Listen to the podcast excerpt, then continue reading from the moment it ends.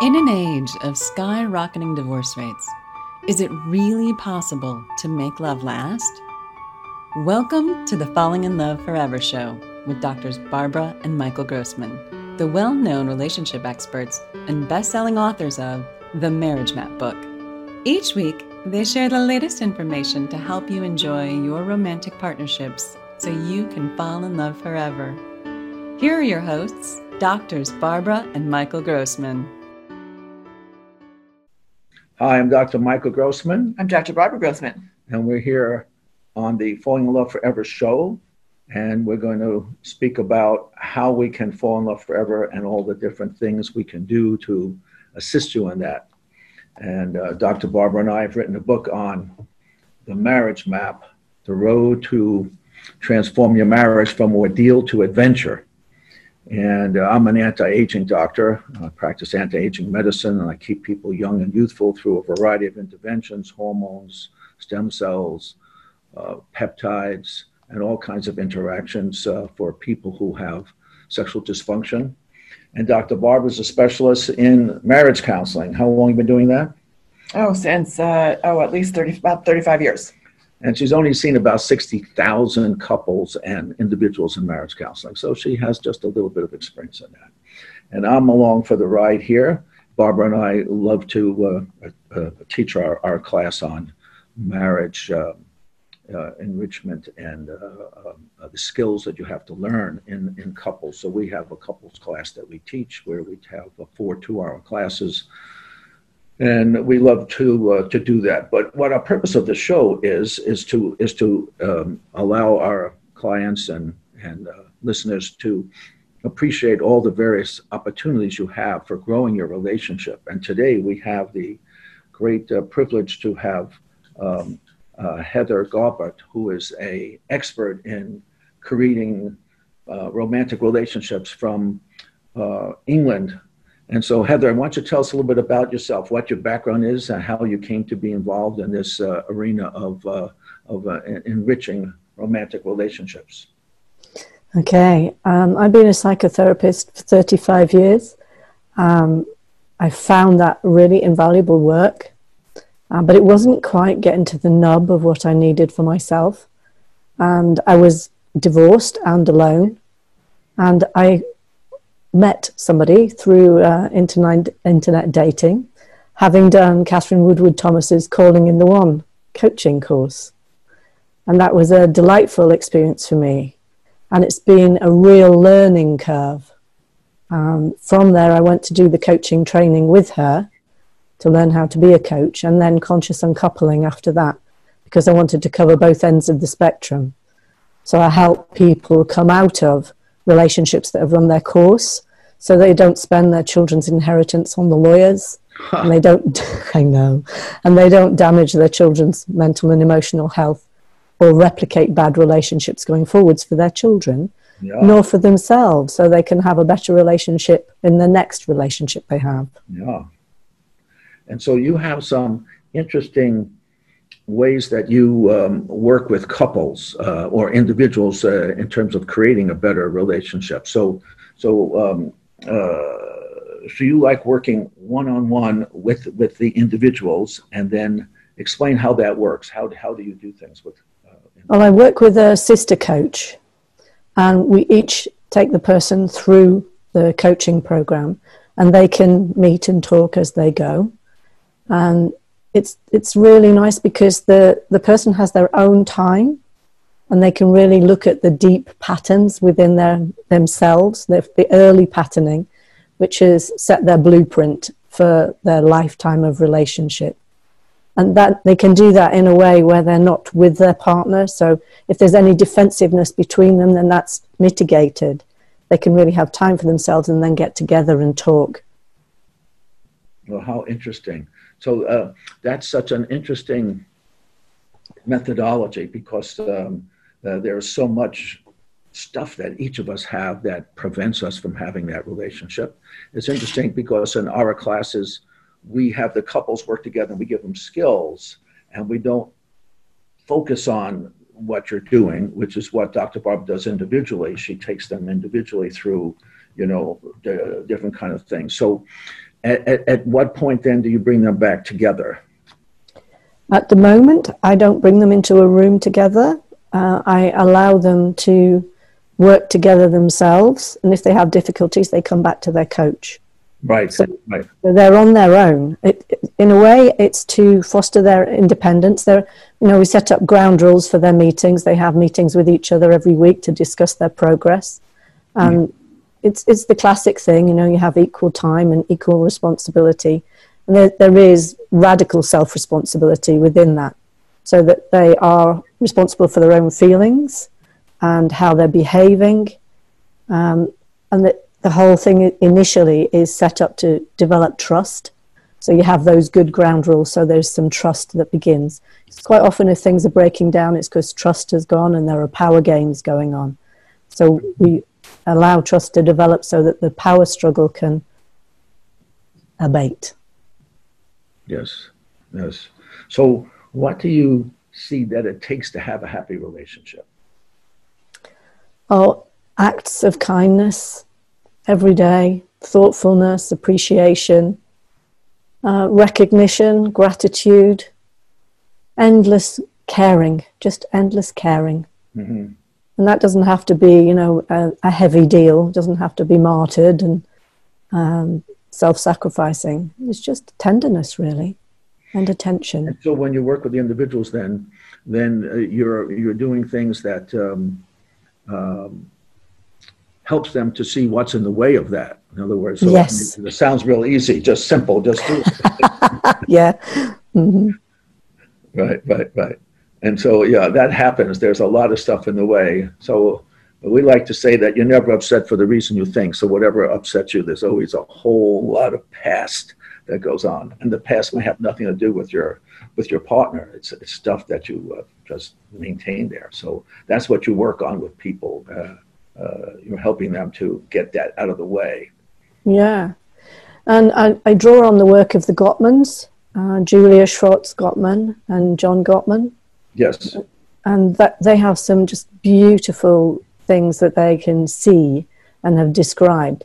If they meet a couple for a, an hour and a half, they can tell if they're likely to stay together happily or if they're likely to part or stay together with bitterness and criticism. Um, and they can do that with 94% accuracy, which is quite astounding, isn't it? and the, they say, if, if you'd like me to expand on that, they, they tell Yes. me the qualities of couples who stay happily together will listen to each other warmly, they make eye contact, they're loving, they're affectionate, they're patient, and they, they listen with interest. If they tell stories about each other, it's from appreciation and admiration Yes. they've got pride in each other, you know, affectionate amusement with quirkiness um, rather than criticism. And that they have um, a feeling of we rather than me, a pulling together, you know, planning their relationship together, making decisions with the health of the relationship as their, their forefront. hmm Yes. Cooperative, mutually supportive, share tasks, all that sort of stuff. It's it's obvious in a way, isn't it? But how many of us don't do it? How many of us sort of fall into that bickering? You know, you hear it in the supermarkets all the time. People arguing with each other about the price of the fish or something. You know, who wants what? Do you, do you find that uh, social trends, the role of men and women uh, in society, affects um, your work with, with couples?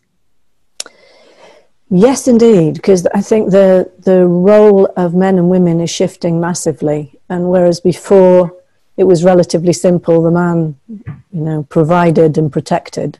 Now he's expected to listen and understand and have all sorts of much softer skills. And women married in order to be protected and to have children, you know, they, they were only looking for a good provider and father. When we were talking, you know, 100 years ago, but it's really not that long ago in generational terms. But now women want a lot more than that. They want their own careers, they want their independence, they want their own money, and they want somebody that they can really relate to. And even then, in amongst all that, they still do the old things of give attention and offer sexuality as well. And uh, and so, how do you adapt uh, how do you uh, educate couples on how to to um, rise to the occasion of all those those needs? Well, that's difficult to nutshell, but I think probably education is the thing initially to look at how men are on an instinctive level and how women are on an instinctive level. I'm very informed by Alison Armstrong from that. She's got some beautiful work. I mean, she'd be a lovely person for you to interview too. Um, I don't, I don't class myself in her league, but you know, it's, uh, it's, nice to be in the same breath with her. And so there's a, a lot of stuff that just how women's attention is. Women's attention is most likely to be um, diffuse and it, connects with everybody. You know, you can guarantee that um, a woman will know where everybody is in the house. You know what they're doing. If there's quiet, they'll notice. If there's a, a cry in the night, they're right awake. They've got that finger on the pulse emotionally. Men don't necessarily have that. They're much more focused, much more um, determined on the task in hand no, there's no point really talking to a man while he's busy doing something else because he's not wired that way. I see you smiling. You've, you've tried that one. so th- those are some basic things that we would talk about together and about their experiences of each other is part of the, pro- the program. Now you have a class that you run for uh, for individuals who are going out of relationship, who, who are separating. So tell us about that. How does that work? Yeah, that's the conscious uncoupling. There's a, a stepped program that you go through, and initially we make a, an intention of what we want the relationship to be like at the end. Now, the couples may not have the same intention. If I if I just talk about working with one, so invariably it's the woman that comes and wants to do that she wants to, to learn from it and not make the same mistakes again. Um, so we set an inst- intention. How do you want the relationship to be? We create a vision for that. And that's with a recorded meditation so that she can listen to that over and over again to get into that place in her mind and in her body and emotionally that that is a real possibility and probability. It's like having a North Star to listen yes. to. This may be well familiar ground. And then you. And then have, yes, go ahead. And then we look at what they've done and how they have been in the relationship. Because invariably, it's a giving away of power. So it may be for women, it may be self sacrifice, um, being out of touch with her needs, not, not looking after her needs on an emotional level, on a practical level, not getting enough nourishment, and trying to please um, it's it's a womanly thing to want to please her partner, um, and possibly a lot of other people too. So if she's over pleased, there's nobody left to relate to, and that can often lead to affairs on the part of the man because he just feels there is nobody at home. There's just somebody doing the, the housework and feeling complaining mm-hmm. and miserable because she's undernourished. Mm-hmm it's nobody's fault, but you know, we, we get her to look at how much she's lost, how much she's given away, and help her really re-establish her presence in herself and honoring her own needs. Yeah. From there, we go to the blueprints. Yeah, that's a really big area that you're describing as, as the, how to have um, a, a loving romantic relationship where the woman is empowered, but yet kind and loving as opposed to being, you know, yeah.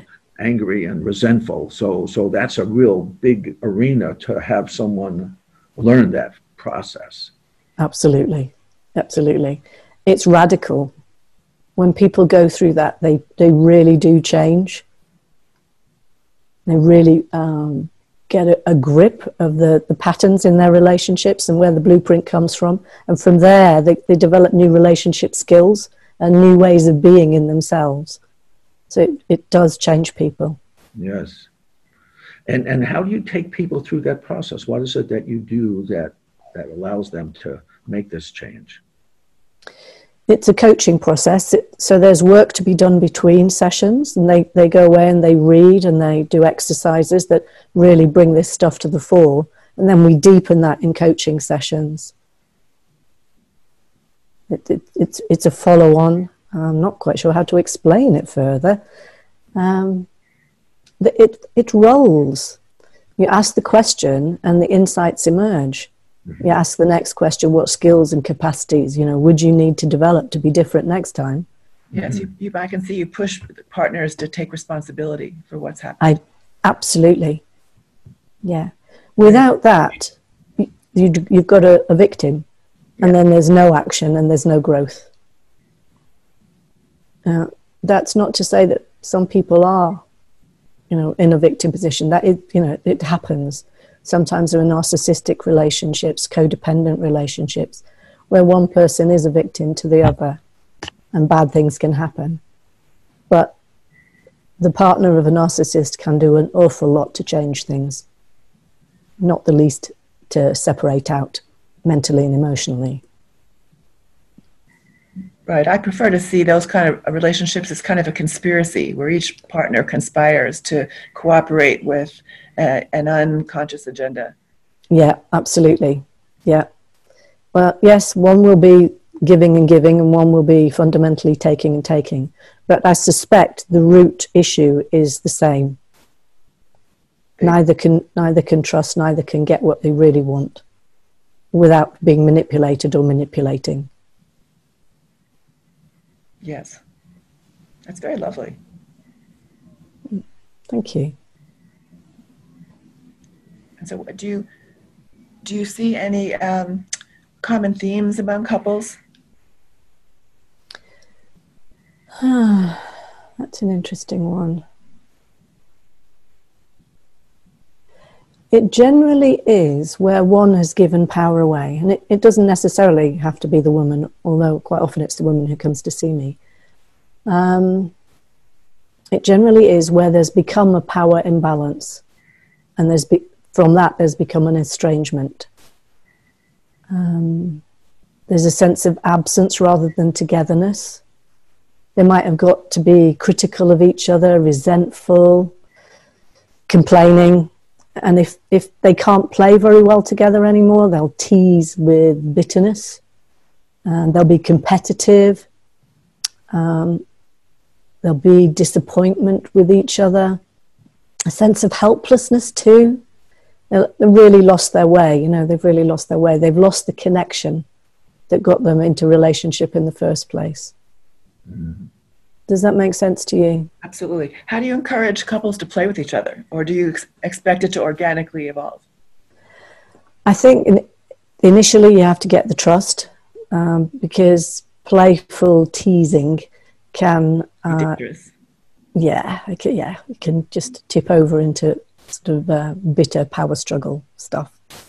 Um, it, it does generally develop um, once the trust builds up and once they begin to see each other and they make connection again, then they do nice things together.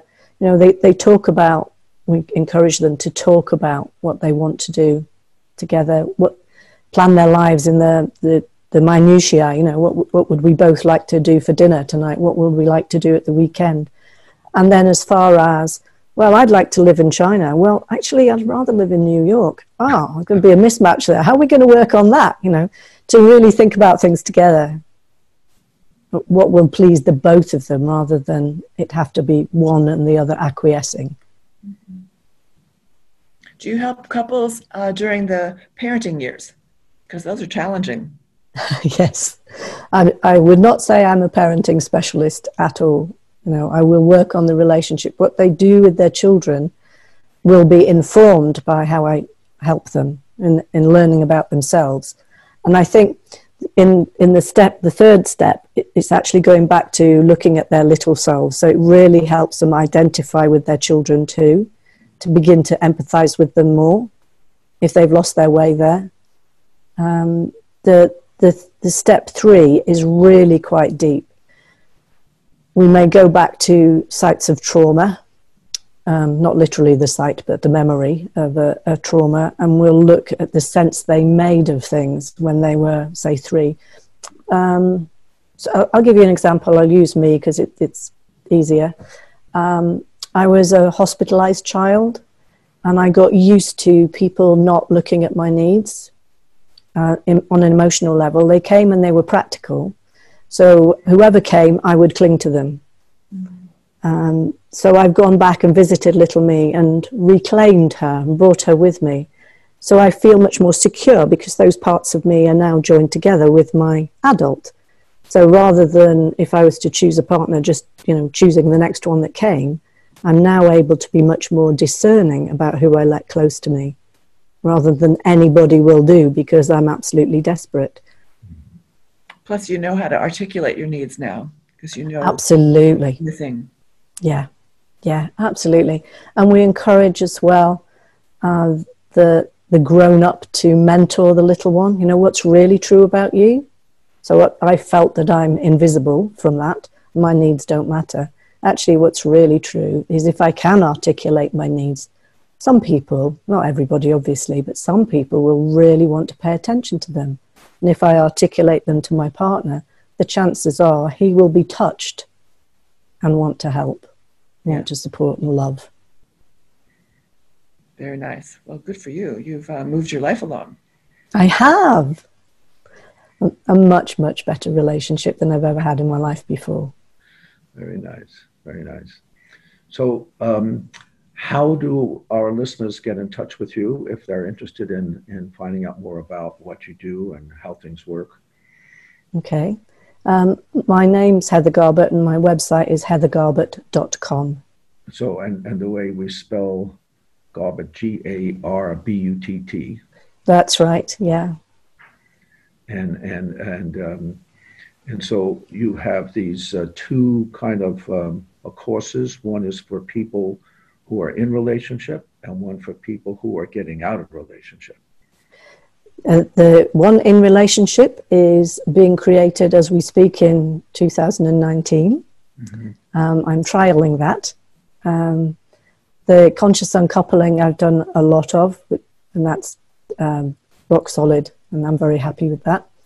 Um, the other one I do is calling in the one, which is to help people Yes. Calling in the One, Katherine Woodward Thomas's course. Okay. Fascinated with that. Yeah, and that, that helps people who've been disappointed in love to really grow through their patterns and find a better partner, as I did, you know, the love of their life, hopefully. Very nice. And so people can take these courses online with you, even though you're in England, where you. Yeah, yeah. We use Zoom.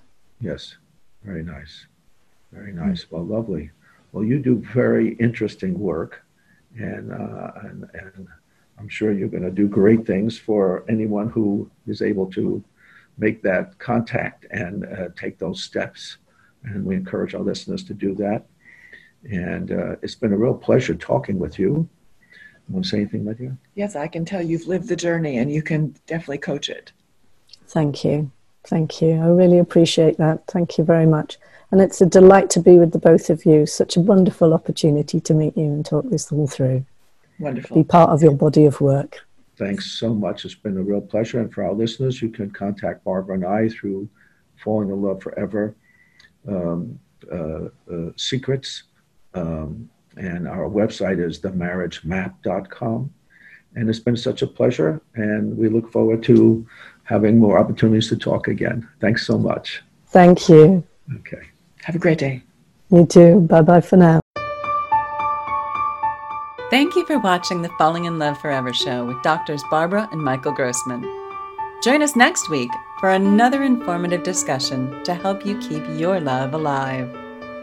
Be sure to visit us at themarriagemap.com or find out about our relationship classes at fallinginloveforever.com.